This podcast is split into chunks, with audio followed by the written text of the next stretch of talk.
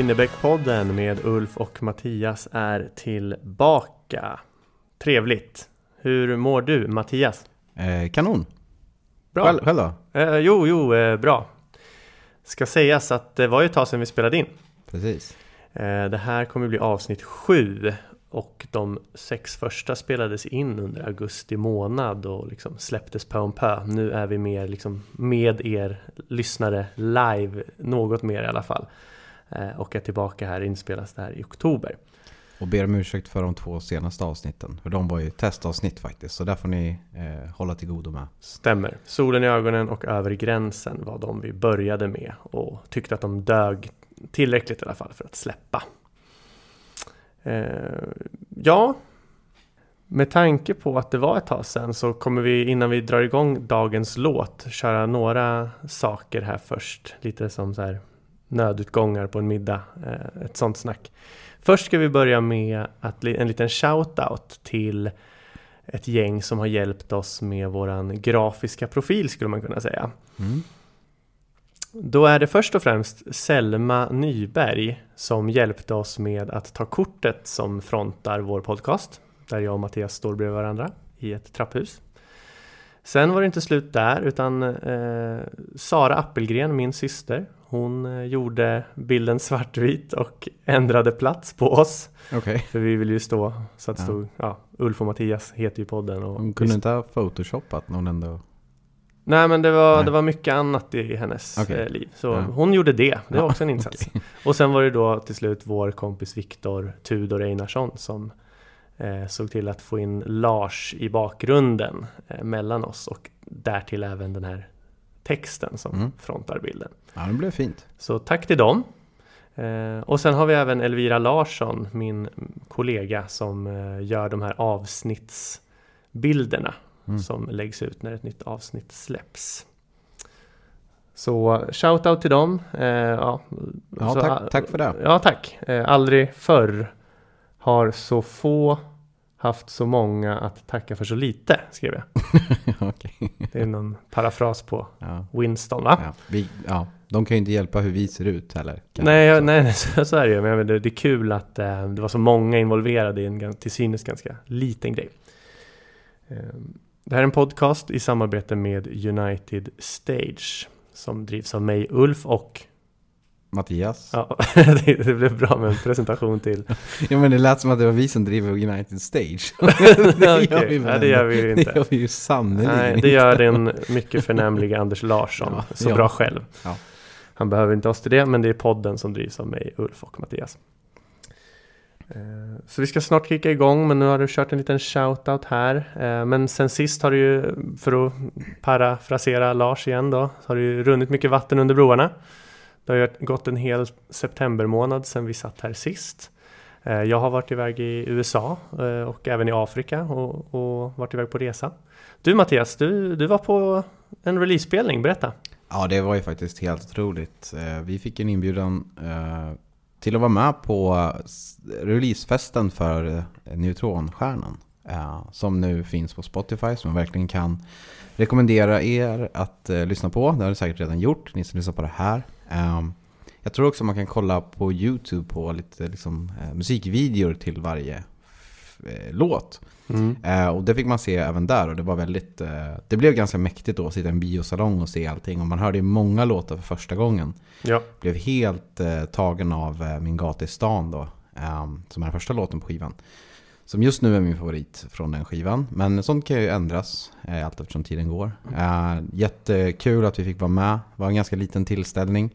Jag säger vi, för Ulf var ju inte med. Men jag tog med, eh, nämnde Viktor Einarsson då på Mm. det här kalaset. Mm. Eh, jättetrevligt. Eh, fick växla några ord med Lars. Eh, vilket var stort naturligtvis. Eh, och eh, vi är ju som så små och så enkla och att vi fick en inbjudan kändes ju stort. Ja men verkligen, Mm. eh, väldigt generöst. Och jag hoppas vi inte gjorde bort oss. Gjorde bort oss. Det tror jag faktiskt inte. Nej. Eh, så att, eh, det var trevligt. Ja, det ska ju sägas att det var ju jag och Mattias som blev inbjudna, men i egenskap av att jag var på i Hwange nationalpark i Zimbabwe då så fick så kunde inte jag komma.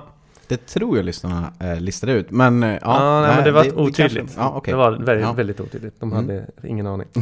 Okej. Eh, Men kul, alltså release-spelning, supersmickrande att bli inbjuden och du som fick gå, det är ju såklart extremt avis på. Mm. Mm. Ja, men det, det ska det vara. Mm. Och den här release-spelningen var 14 september eh, och skivan släpptes ju sen den 22 va? Ja, det var en vecka senare. Mm, mm. Så att, eh, ja, Dryga men veckan. Det var, nej, men det var otroligt. Ja, nej, men så det skulle bara nämnas. Eh, för lyssnarna har det ju bara gått en vecka sedan de hörde oss sist, men för Mm. oss är det ju faktiskt en månad drygt sedan vi satt Den här release-spelningen kommer också generera en del nuggets som man kan droppa i framtida avsnitt också. Om eh, låtar från den men också lite andra låtar så, så det, det tror jag kan bli bra. Gött! Och eh, innan vi drar igång dagens avsnitt på allvar och kör igång låten så tänkte du, du nämnde ju där, ja men skivan är ju släppt, Neutronstjärnan, och det kan man väl tycka, Winnerbäck-podden, borde inte de prata lite om den? Men dels har vi ju konceptet en låt per avsnitt och sen tycker jag ju framförallt, det kan, det kan ju bli det eventuellt framåt, att man pratar om den. Men som det är med en Winnerbäck-skiva så det man säger nu kommer ju inte vara samma sak om en månad. Jag tycker att man skulle ändå behöva smälta det innan man typ pratar om skivan eller recenserar den eller vad man nu gör. Mm. Så det är liksom helt onödigt att göra nu för då hade vi behövt släppa ett nytt avsnitt om en månad. Om det. Ja, nej vi får se. Vi har ju släppt en, eh, ett avsnitt om en, Mm. ett av låtarna från skivan. Så att, eh, det kan man ju kika på så länge. Ja. Men så hoppas vi att hyfsat snart kommer till någon av låtarna från den också. Ja, Men, ja. exakt. Ja. Mm. Men eh, vad fasen, nu har vi babblat lite för länge. Jag vet att ni vill höra en Lars Winnerbäck-låt. Idag är det ju då alltså avsnittet om låten Kom från skivan med samma namn. Släpptes 1999. Låt 1 på skivan. Bästa skivan om du frågar mig, men det, det, hör ju, det hör kanske inte hit. Ja, och som Mattias nämnde för några avsnitt sedan, år 2004 det mest utlånade objektet på Nyköpings stadsbibliotek. Den här skivan alltså. Ja, precis. Mm. Ja, det var ju helt... Det var ju ja, sjukt. Ja, det var ju sjukt faktiskt. Så vi eh, kör, väl att, kör väl igång den bara. Mm. Här kommer Kom av Lars Winnerbäck. Alldeles för grova skor. Det börjar visst bli höst men den är aldrig riktigt lika grym. Och svartvit som man tror. Jag vet att du sa fel och hela stan. Vet om det känns det som det gick för långt. Du är alltid deras snask, jag säger kom. Allt är förlåtet där de snackar bara strunt De har redan glömt hur kul det kan vara att tumla runt. Din byst är full med rock'n'roll och håret lyser blont. Det vore orättvist om någon skulle döma dig för sånt. Vi går ut och strör små smulor till fåglarna på marken. Vissa dagar är man ett med alla människorna i parken. Du min ängel, här i livet får man sota för att skit som man har tyckt gör dig matt och arg och nedtryckt i två alldeles för grova skor. Din mun ångar av rök. Vi går hem, du kan väl ruttna på en stol i mitt kök. Jag säger. Kom alla bättre typer som ska säga hur man gör. För har man någon gång grävt en grop och alla vet bättre typer får man jävlar ligga i och skämmas tills man dör.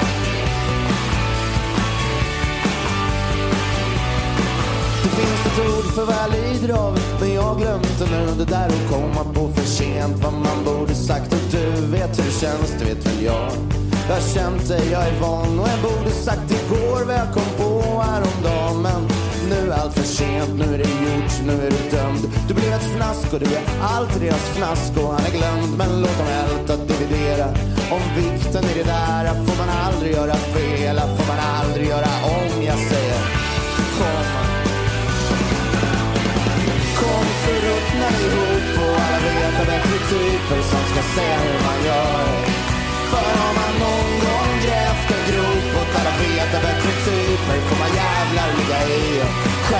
tills man dör. Ja, du går nedtryckt i två alldeles för grova skor. Det börjar visst bli höst och den är lika spottad på som begagnade bröst. Nu faller löv, det blåser på, det börjar om. Jag säger kom, här är världen, här är livet vi ska leva i. Vi och alla duvorna på marken, alla fåglarna i skogen, alla människorna i parken, alla herrarna på krogen. Här finns ingen som kan döma, här finns ingen mera lärd om ditt liv, om din stad, om ditt land, om din värld.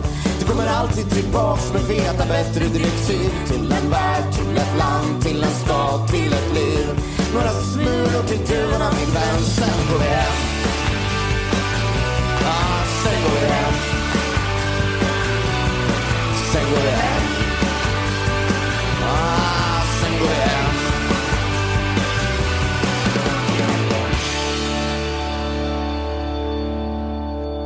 Wow, här eh, har vi då Kom. Det är ju, är ju en klassisk visa, eller en, en del av den svenska vistraditionen på sätt och vis. Men den är också väldigt rockig. Alltså en finurlig, härlig låt som är rockig. Och jag tycker, här gör ju Lars grejer som man inte hör andra göra. Alltså det, det är, Mm.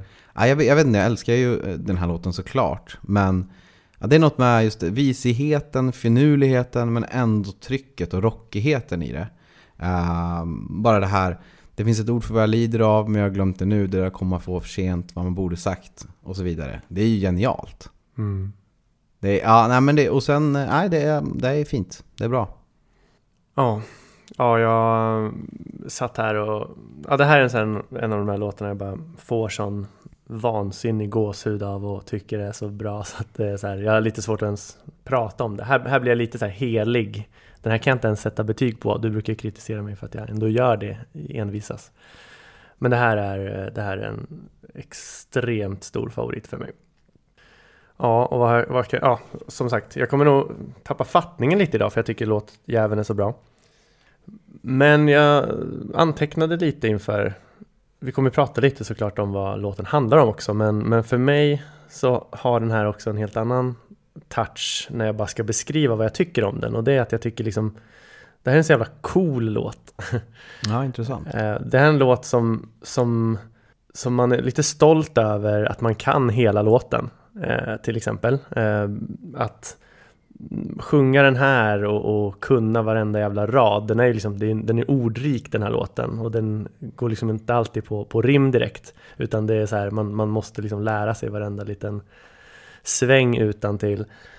Eh, lite så här, jag kan hela rappen på Kom igen Lena med Håkan Hellström. Det är alltid några som ska skryta över den. Jag är ganska stolt över att jag kan den här. Eh, och att jag vet ju att du kan den också. Och för mig är ju det här en, en låt som jag tänker väldigt mycket på dig Mattias. Ja, Ehm, okej. Ja. ja, det- ja, det var, Ja. sket du i. ja, nej, nej, men eh, okej. ja. Mm. Jag har alltid, jag alltid undrat hur det, hur det går för de personerna som kan den här Håkan Hellström-låten utan till. Alltså Mm. hur går det för dem i livet? Mm. Det undrar man ju. Ja, de brukar, ja. precis. Vilka är det nu igen? Jag försöker komma på vilka har sagt det Ja, men det är en och- typ av person som kanske inte alltid är inte odräglig, om man säger så. Nej, jag vet inte. Nu gillar vi Håkan skarpt också, men, men de som säger jag kan hela rappen på Kom igen Lena är ju oftast astöntiga. Ja, men precis, man får gärna kunna det, men Mm. hålla det för sig själv. Mm. Men att kunna hela kom är ju coolt. Ja, lite samma låda, men eh, lite mer kanske då. Jag tänker på dig, jag, jag får bara när jag hör den här låten så tänker jag just att typ gå en mörk höstkväll med dig. Typ så här på väg från en fest till en annan i Nyköping. Eh, sjungandes på den här, man är full, det är oftast liksom någon väldigt varm öl eller ett väldigt dåligt eh, fulvin i handen. Man går du har svart jacka på dig, det är väldigt eh, tydlig bild för det har du alltid. Ja.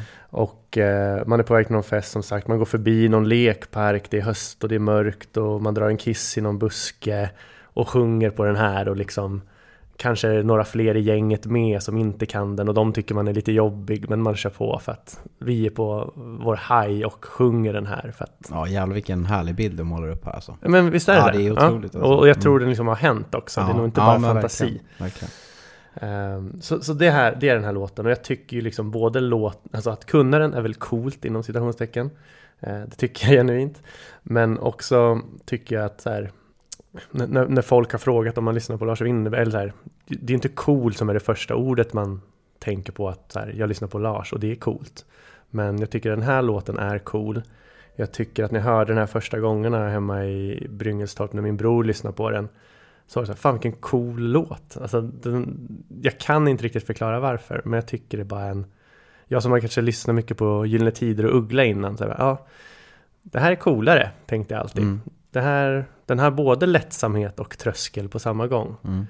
Eh, och då har vi inte ens gått in på vad låten handlar om. Det är bara en, ett stuk, en känsla i låten som gör att när jag lyssnar på den här och har den i lurarna och går på stan så känner jag nu, nu är jag cool. Ja, okej. Mm. Ja, men intressant infallsvinkel. Jag har alltid tyckt att den är... Jag har nog aldrig tänkt cool exakt som du säger, men jag älskar dina associationer och jag håller verkligen med om att ja, om det är ett minne så är det ett bra minne. Om det inte är det så känns det som att det är ett minne i alla fall. Som du beskriver. Jag har alltid tänkt att den är liksom finurlig som jag sa inledningsvis. Den är liksom på något sätt fortsättning på tidiga Lars som är mer visaktig och det här Mm. väldigt finurliga språket och roliga associationer och ja, ja, lite studentikost på ett positivt sätt. Eh, men ändå liksom, här är den ju mergad med väldigt mycket rock och Mm. ja, men kanske coolhet också nu när du Mm. säger det liksom.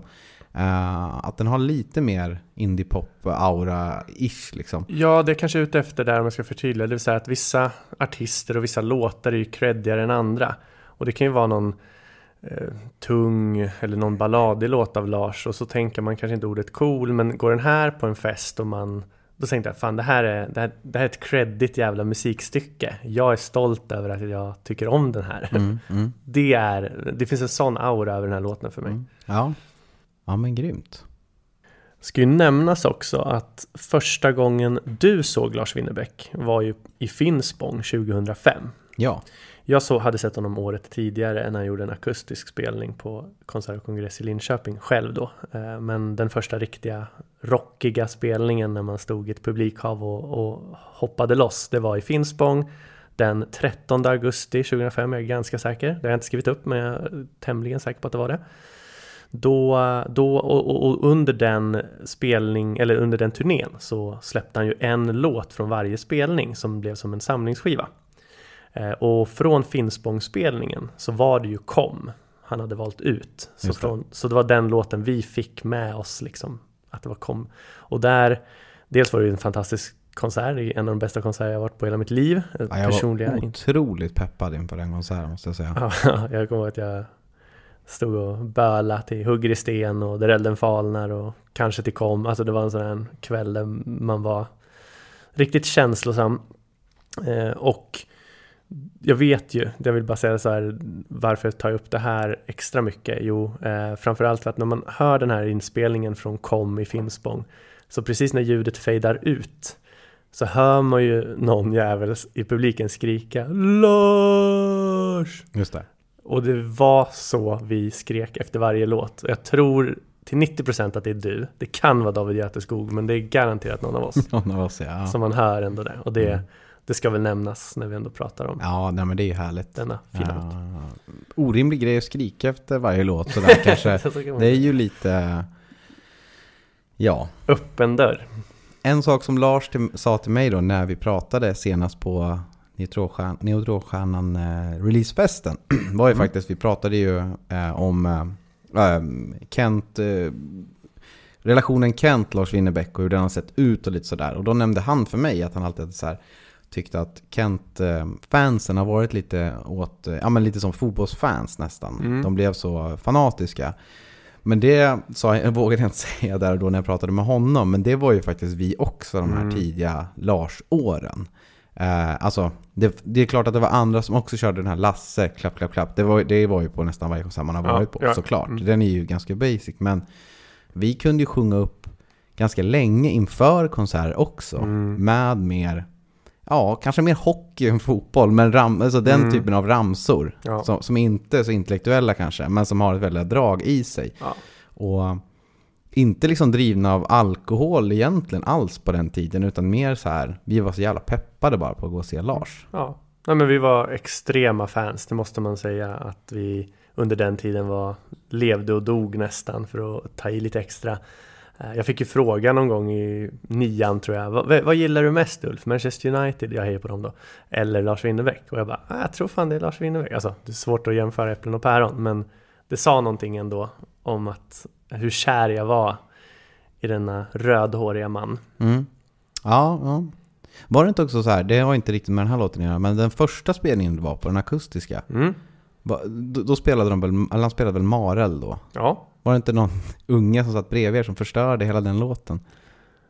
Oh, det här Jag har för mig att ni har sagt att han sjö- sjöng alla verser väldigt, väldigt högt. Så att Äh, ni var verkligen så här, det skulle vara skönt att gå på en konsert utan att ha honom bredvid sig hela. Ja, jag kommer ihåg att ni var peppade inför det. Um, det Det var en sån grej som jag minns. Det här var ju 2004 och eh, datum som jag kan är ju 25 oktober eh, 2004. Men fan vad kul att du minns det där bättre än jag och du var inte ens där. Men det var säkert så. Ja, men jag tror att just det här med att han pluggar in en hel låt som du Mm. pratar med nu. Han hade liksom lärt sig, Marel det är ju en ganska speciell låt liksom. Den har väl många verser och den är Mm. lång och så. Jag tycker det är en fin, fin låt. Den liksom. kommer få ett avsnitt någon gång. Ja, men det är ett jävla jobb att lära sig hela den och Mm. skrika med en hel akustisk konsert också. Ja. Eh, till liksom de närsittandes eh, förtret. Ett en liten synaps börjar liksom glöda nu. Ja, det var någon unge som var störig, men jag mindes inte exakt det. Men Nej. det stämmer säkert. Jag, jag har mest koll på datumen.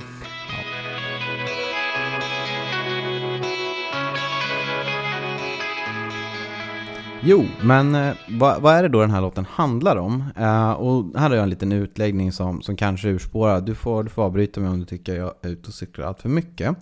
Men när jag var yngre så tänkte jag inte, instinktivt på att eh, den här ja, protagonisten eller vad det nu är, som den personen det handlar om, alltså den personen som är nedtryckta i allt för stora skor och så vidare. Jag tänkte instinktivt alltid på att det var ett ungdomsgäng Grova skor, va? alldeles för grova skor kanske. Eh, ett ungdomsgäng eller ungdomar i, i någon typ av eh, subkultur liksom som kanske inte riktigt eh, passar in eh, i liksom, det övriga samhället sådär, men, men ändå är lovable på något vis. Ehm,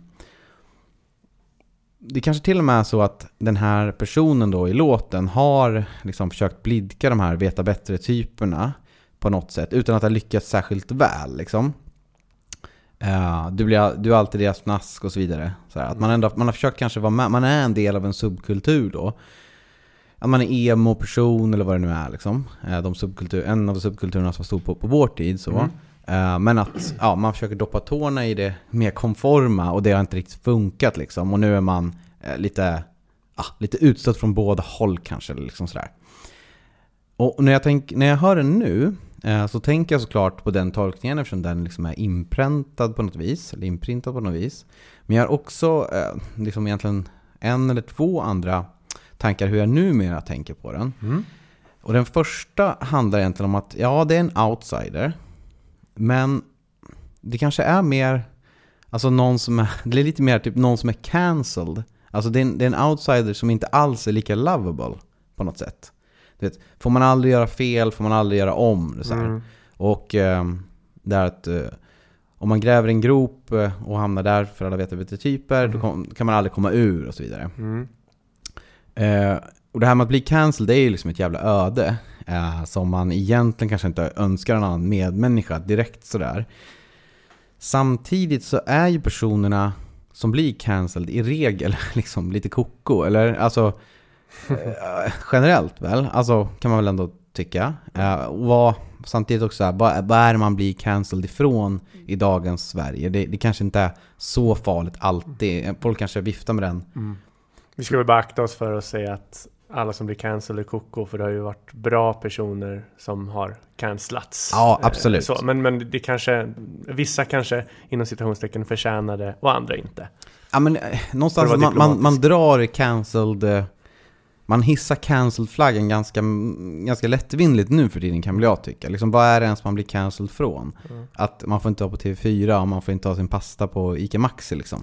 Jag tänker inte på någon speciell här som du hör, men det finns ju liksom tusentals andra plattformar. Så riktigt cancelled blir man ju liksom Mm. aldrig riktigt, åtminstone inte Sverige 2023 liksom. How would you like to look five years younger? In a clinical study, people that had volume added with Juvederm Voluma XC in the cheeks perceived themselves as looking five years younger at six months after treatment. Look younger, feel like you. Add volume for lift and contour in the cheeks with Juvederm Voluma XC. Reverse signs of aging by adding volume to smooth laugh lines with Juvederm Volure XC. For important safety information and to find a licensed specialist, visit juvederm.com. That's J U V E D E R M.com. Not for people with severe allergic reactions, allergies to lidocaine, or the proteins used in Juvederm. Common side effects include injection site redness, swelling, pain, tenderness, firmness, lumps, bumps, bruising, discoloration, or itching. There's a risk of unintentional injection into a blood vessel, which can cause vision abnormalities, blindness, stroke, temporary scabs, or scarring. Talk to a licensed specialist to find out if it's right for you. Men det, det är någonting jag ändå far efter här, liksom, på något vis så var den här utstötte personen eller personerna, säg 2000 eller 2005, de var ändå någonting man sympatiserar med. Och eh, jag tror ändå att resten av samhället gjorde det på något sätt också. Man kanske tittar lite snett åt dem. Eh, men nu blir man på något sätt, eller okej, okay, jag kanske bara tar det för långt, men nu, det känns som att nu är man själv liksom en veta bättre typ bara för att man helst liksom inte stöter på någon som är kanske öppet rasistisk eller sådär på bästa sändningstid. Mm. Och att det har hänt någonting med subkulturen kontra eh, liksom mainstream-samhället. Uh, och min tanke på det är lite så att det kanske är så att man de här subkulturerna har liksom mycket mer makt idag, vilket har förändrat sättet de är. Liksom. Ja, ge några exempel på subkulturer då, för lyssnarnas skull liksom. Ja, men jag, jag tänker, alltså, jag, jag, kan inte så mycket om det där, men jag tänker kanske framförallt liksom på emo, tänker, tar emo-kidsen då, mm. 25 då kanske. Så de, de kanske var relativt många i, i Sverige som stort liksom. Uh, man lyssnade på Chem My Chemical Romance kanske, eller vad man Tokyo nu... Hotel. Ja, det kanske var lite senare. Men, men ja, de som var lite mer hardcore innan där liksom. Mm. 30 seconds to Mars, jag vet inte. De var liksom kanske ganska många, men de var ändå ganska eh, utspridda och ensamma där man stötte på dem. Um, och de var relativt ovetandes om varandra, ändå min eh, mm. liksom take på Så att de var ändå ganska lovable på sitt konstiga sätt ändå. Mm. Men så här, med sociala medier så har ju det där förändrats och det kanske inte bara är till det bättre. Eh, alltså om vi tänker samma typ av subkultur idag så, så har de ju mycket mer, alltså man har ju mycket mer makt i och med att man är samlad. Alltså man kan ha ett TikTok-följe eller vad det nu är liksom.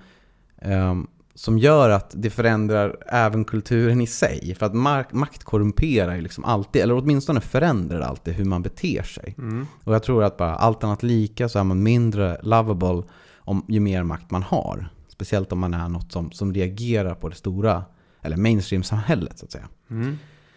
Det här är alltså saker jag tänker på eh, när jag lyssnar på den här låten. Men okej, okay. Eh, jag tänker bara så här, några Lovable Misfits som, som drar runt i en galleria liksom typ 2005 mm. känns mycket mer som en subkultur som man eh, tycker är lovable än eh, några som drar runt 2023 i en galleria och har liksom stort följarantal på TikTok eller de känns mer mäktiga och därmed mer ocharmiga ah, på något sätt. Om du förstår vad jag menar? Nu alltså, de har en helt annan tyngd i det. Så här, de vet att de är många och de kan...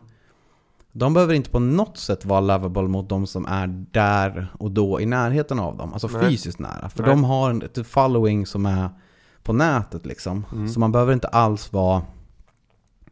Man behöver inte interagera med de närliggande personerna på samma sätt. Nej, okay. Vilket på något sätt, tänker jag, så här, gör att man blir mer ja, outhärdlig liksom.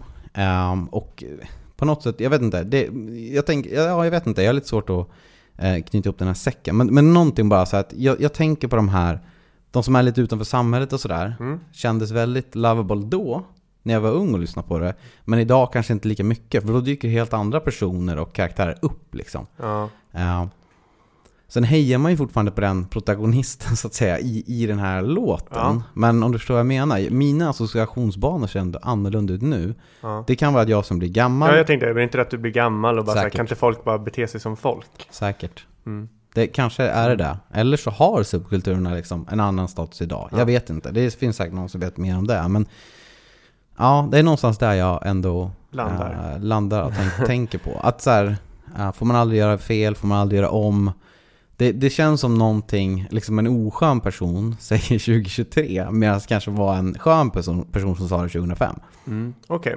Ja, det, det är en bra ivägspinning och iväg, iväg associa, associering så att säga. Alltså du, du, kom, du landar ju långt bort från låten Mm. med det här, eh, men med avstamp i den. Eh, och det tycker jag ju förvisso är intressant. Sen ska jag erkänna att jag är en dålig lyssnare. Så jag missade din första 30 sekunder och tänkte på annat. Så det är så jävla svårt att kommentera det här. Så jag ska erkänna att jag, jag är bortkollrad. Ja. Men om poängen någonstans var att våra outsiders har blivit mindre lovable nu. Ja, så kanske. får jag kommentera det i nästa avsnitt för jag har inte tänkt på det. Okej. Nej men det kanske är någon som lyssnar som, som har en Mm. tanke om det. Ehm, men ja, det är någonstans där. Eh, den andra associationen jag hade som är kopplat till det här, att jag tänker lite på, det är mer, Eh, Förlåt, förlåt. Jag ska bara säga, när jag gick, när jag gick hit, Ja. eller när jag gick hem, Ja. eh, vi spelade in hos mig. Då, då gick jag på Klarabergsgatan och så gick det några personer i lite luftiga, fluffiga, flummiga kläder mm, eh, på gatan och, och liksom så här hoppa på mellan liksom strecken i gatan, alltså tre stycken som höll varandra i hand och sjöng. mm, Eh, Jag, jag tänkte ju störiga jävlar. Som jag kanske inte borde. nej. Är det, är det, är det, men det, det är väl troligtvis att jag har blivit gammal. Eller att jag typ kanske förut hade mm, nej, men folk får vara som de vill. Men filmade de allting och gjorde det liksom för att, hit, för att få likes? Eller var det bara... De kändes äkta. Ja, men det ja, men det är ju den typen av lovable misfits som jag saknar Ah, idag. okej. Liksom. Mm. Det känns som nu måste alltid kameran rulla så fort man gör något Mm, roligt. okej. Alltså jag kan, inte gå, jag kan inte gå och köpa 280 på Max utan att bli filmad av någon tjej som står och liksom dans, alltså som filmar en annan tjej som står och Mm, dansar okej. framför, eh, eh, ja framför typ någon colaburk eller någonting. Alltså det är något Ja. så knäppt i det här. Och det är så här, är det här liksom en subkultur som är, så, som eh, står upp mot veta bättre typer? Ja, kanske på, en, på ett sätt, men på ett annat sätt så är de Mm. liksom ändå, är de ändå mycket mäktigare än ja, de som bara går mitt i gatan och är lite crazy. Ja, jag vet okej. inte. Mm. Ja men du har, du har tappat kärleken till Alltså du är, inte, du är inte lika instinktivt eh, kärlekskrank i våra outsiders som du Nej, kanske var förr. Precis, Ja men det är en bra ja, men, poäng. Ja, men någonstans där är jag, jag vet inte. Men det, kan, det är säkert att man bara är gammal liksom. Men ja, ja det, det är något som ändå växer i mitt huvud när man hör den här, just den här ängsliga sidan av den här låten. För att jag menar på ett sätt så, så löser det sig också liksom här. Karaktären, eh, eh, hon eh, träffar ju på Lars och de ruttnar i ett kök och liksom de, de står upp mot eh, mainstream-samhället och, Ja. och löser det snyggt liksom. Går ut till duvorna och sätter sig på krogen och så. Ja, men de, de väljer att vara utanför, de är nöjda med det här liksom. Mm. Mm. Ja, så det, det funkar ändå bra där liksom. Ja, ja, men kul. Bra, bra associationsbana och, och att den liksom landar längre bort tycker jag bara är intressant.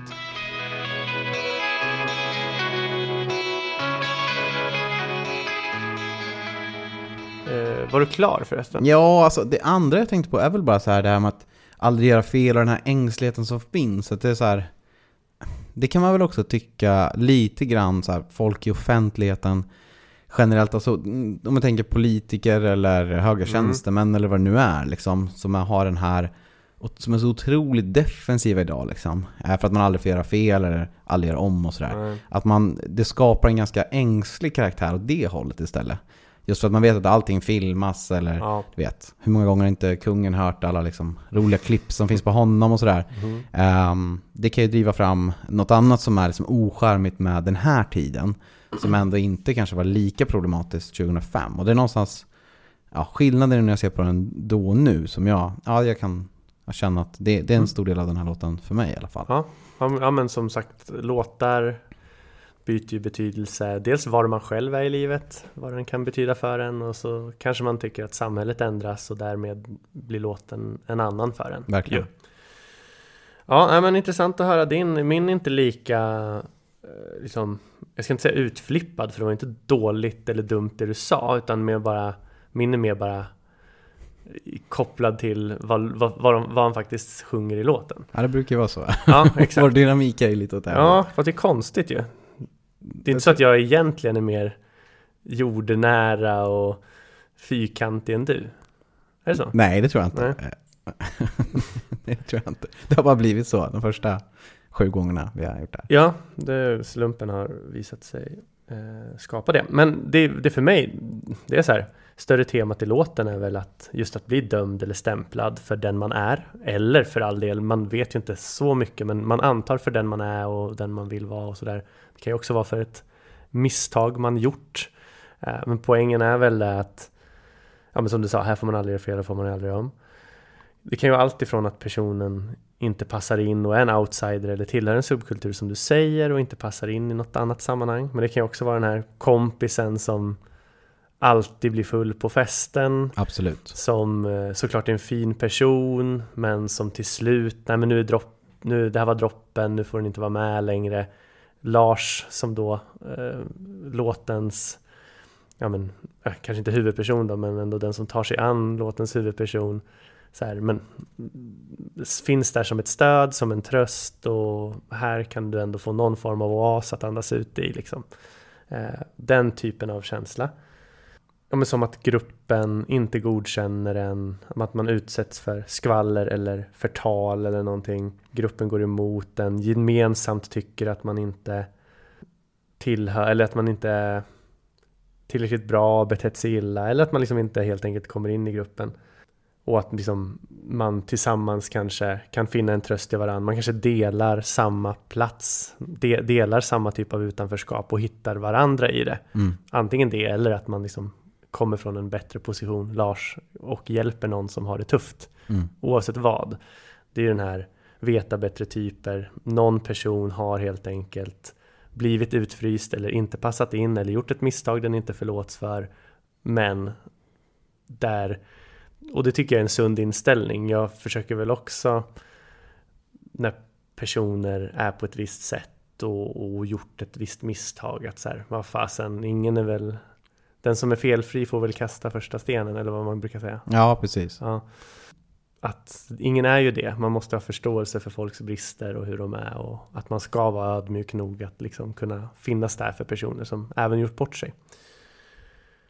Så. Ja, nej men absolut. Det kan, ju, det kan ju verkligen vara det det handlar om också. Uh, alltså att man i, någon, i något avseende har gjort något, man har gjort något normbrytande liksom. Man har legat med någons kille eller varit för full på ja. någon fest eller liksom, ja, vet, har blivit någon skit liksom. Ja, eftersom man konkret sjunger Din byst är full med rock'n'roll, håret lyster blont, det vore orättvist om någon skulle döma dig för sånt, du är alltid deras fnask. Mm. Det är som att någon har gjort misstaget åt det hållet. Ja, man, man tänker ju, om man läser den liksom bokstavligt så ja. är det ju något mer mm. åt det hållet.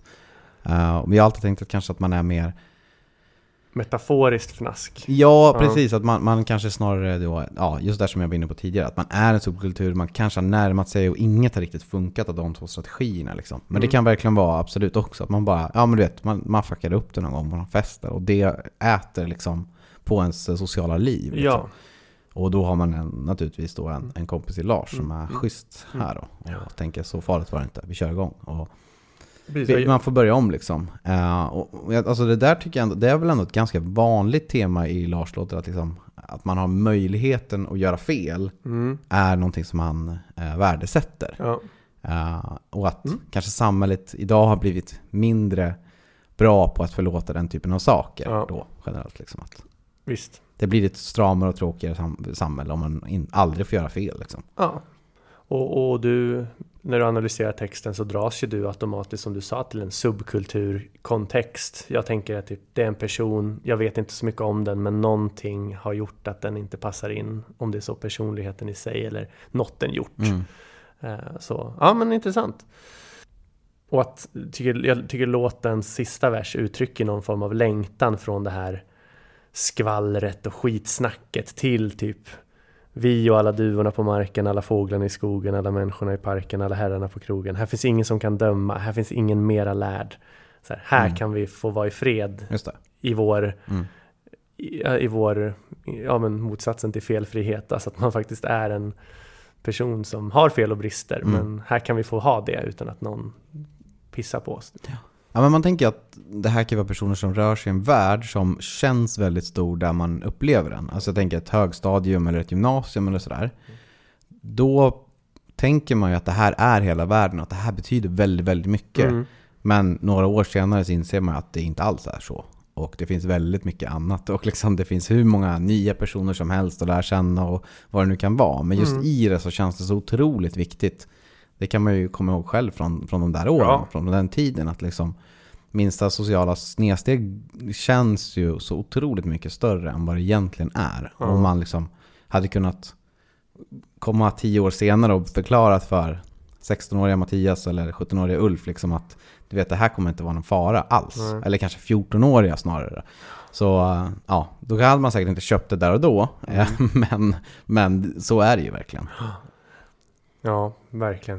Jag kommer ihåg när jag var tillsammans med en tjej på en skola, eh, det var högstadietiden, var jag tillsammans med en tjej som hette Soffan. Men, och så var jag träffade henne på hennes skola och så från själva skolbyggnaden när jag stod och pratade med henne så kom det en annan tjej ut som hette, kommer du ihåg Krippa? Ja, just det. Eh, som var lite populär och så. Och hon- Cool och snygg. Och Ja, bra så- på fotboll också. Ja, så sa hon bara så här, hej Ulf. Men bara för att jag stod och pratade med soffan då så låtsades jag inte höra. Eh, och jag tänkte, ja men det... Br- Bra hanterat känns det Ja, jag vet inte, jag vet inte. Det är helt märkligt för att det var, hördes väldigt tydligt att hon sa hej. Eh, och jag, jag ville liksom inte prata med henne för att då tänkte jag att men då kommer soffan bli svartis eller något.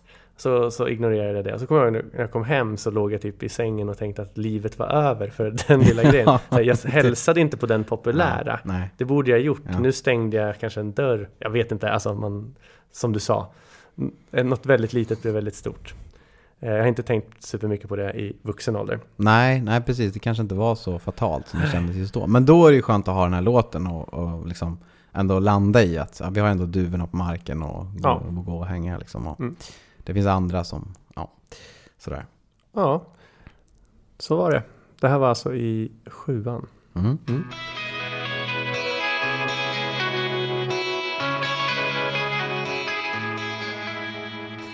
Ja, ja, men en viktig, en viktig sak i den här låten är ju de här veta bättre-typerna som eh, Lars nämner genomgående i den här låten, Mm. som man blir intresserad av. Och eh, där är jag lite clueless egentligen. Vad, vad, är det han, vad är det han menar? Man har ju sina tankar såklart, men är det liksom jantelagen han, han pratar om här? Eller är det någon slags trist borgerlighet? Eller eh, hur, hur känner du kring det där? Vad, vad tror du att det är som avses med veta bättre-typerna? Vad är det som... det.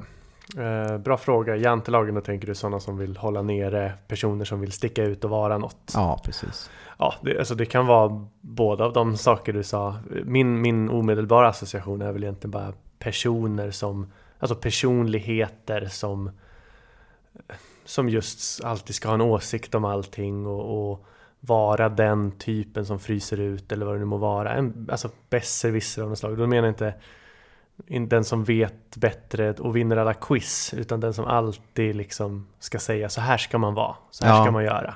Utan att jag, jag har inte lagt mycket tanke i det, men en vetra bättre typ som på något sätt tror sig ha tolkande företräde och, och så. Mm. Bestämma vad som är bra och rätt. Sätter den sociala agendan på något vis liksom, Precis. eh, och tar sig makten att göra det. Ja. Du Ja. passar inte in här, säger en sån. Nej, precis. Ja, nej, men det kanske är något åt det hållet. Jag, ja, jag, jag har inte riktigt något svar. Jag tycker det är ett väldigt bra tema. Man, alla lägger ju in sin egen, Mm. vad man tänker kring det där. Och liksom, och, eh, men det är intressant. En annan tanke jag hade då, också den här kopplingen 2005 till idag.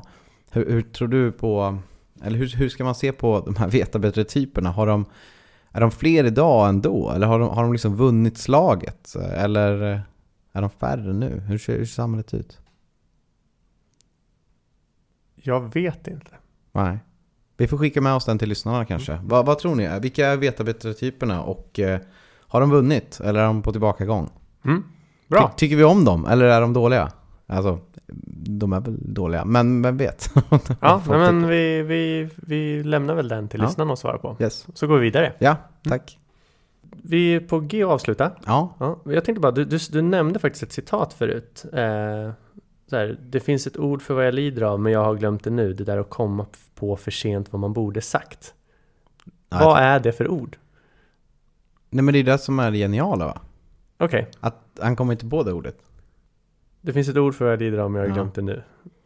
Okej, men det, då, Alltså det, ordet, det, det finns ett ord som ska fylla hela den meningen. ja men det är ju det som är så genialt. Att Okej. Han kommer inte på det ordet. Men han har glömt det. Han har ju vetat det någon gång. Okej. Ja, just det. Ja, okej. Nej, Jag, jag, jag, här, vad fan tänker är att- det för ord jag, som... tänk, jag tänker att det inte kanske någonsin har varit ett ord, utan Nej, att okej. ehm, det är liksom en, en sån här, ja men du vet, eh, så, jag kanske aldrig riktigt har gjort det själv, men så här, ja men det är som man brukar säga att man, man har aldrig vunnit så många argument som man står i, i duschen och argumenterar. Och då säger man alla de här smarta sakerna som man borde sagt. För så fortsätter Ja men okej, ju. då vet jag ju vilket ord det är. Fan, jag har aldrig tänkt på det. Det är ju efterklok. Ja, men tror du det är så enkelt att det finns en, en sanning liksom? Ja, det kanske är att han är, ja. Jag tänker det är mer att så här, det, det är mer känslan av att man aldrig säger rätt saker där och då. Men de skulle bara veta hur jävla smarta saker jag säger liksom Hemma i duschen. hemma i duschen eller när jag sitter liksom på cykeln hem från, från skolan liksom eller något sånt. Eh, och att den känslan kan man ju, eh, ja. Känna igen sig i deluxe. Mm. Ja, jävlar vad man haft liksom dräpande dissar och mic drops för sent. Ja, precis. Fan vad jag skulle sagt det där och så vidare. Ja, jag skulle bara säga att det här är en låt som får 6 av 6 av mig. Det är en av mina absoluta favoritlåtar. Den är cool, som jag har tryckt på i början av avsnittet. Och den är himla, himla bra. Den är texten, melodin. För oss som också spelar gitarr så är det, liksom, det, det är en jävligt... Förutom den grymma texten och melodin så är det en jävligt originell refräng. Alltså det, låten går i D-dur och så drar den in en refräng som börjar i H7. Alltså, det säger kanske inte alla jättemycket.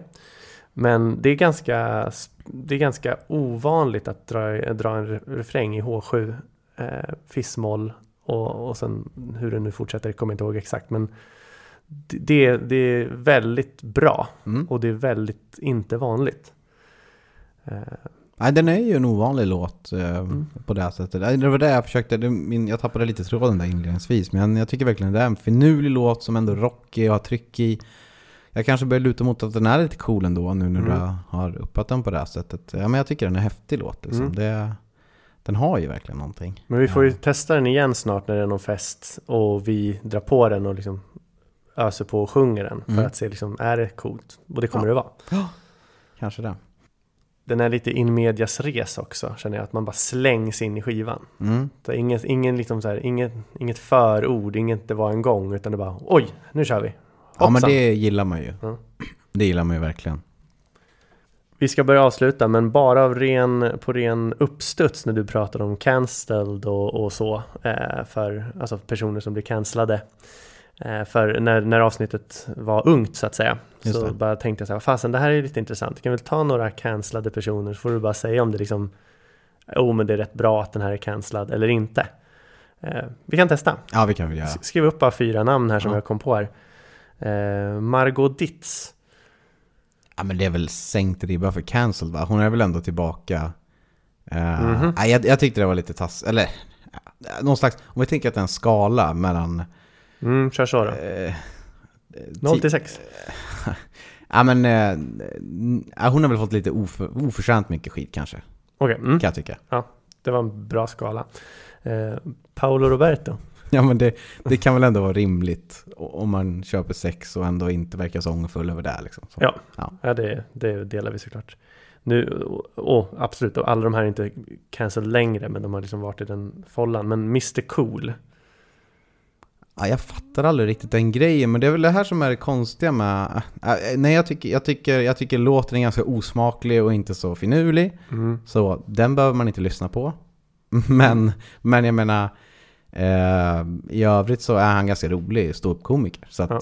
Jag tyckte ju det var galet när, när en viss typ av elit gick emot honom. Jag tyckte liksom det var ovärdigt. Han har ju en väldigt rolig stand-up-rutin där han säger att ehm, Ja, vet ni när det gick för långt? Mm. Alla de här hoten.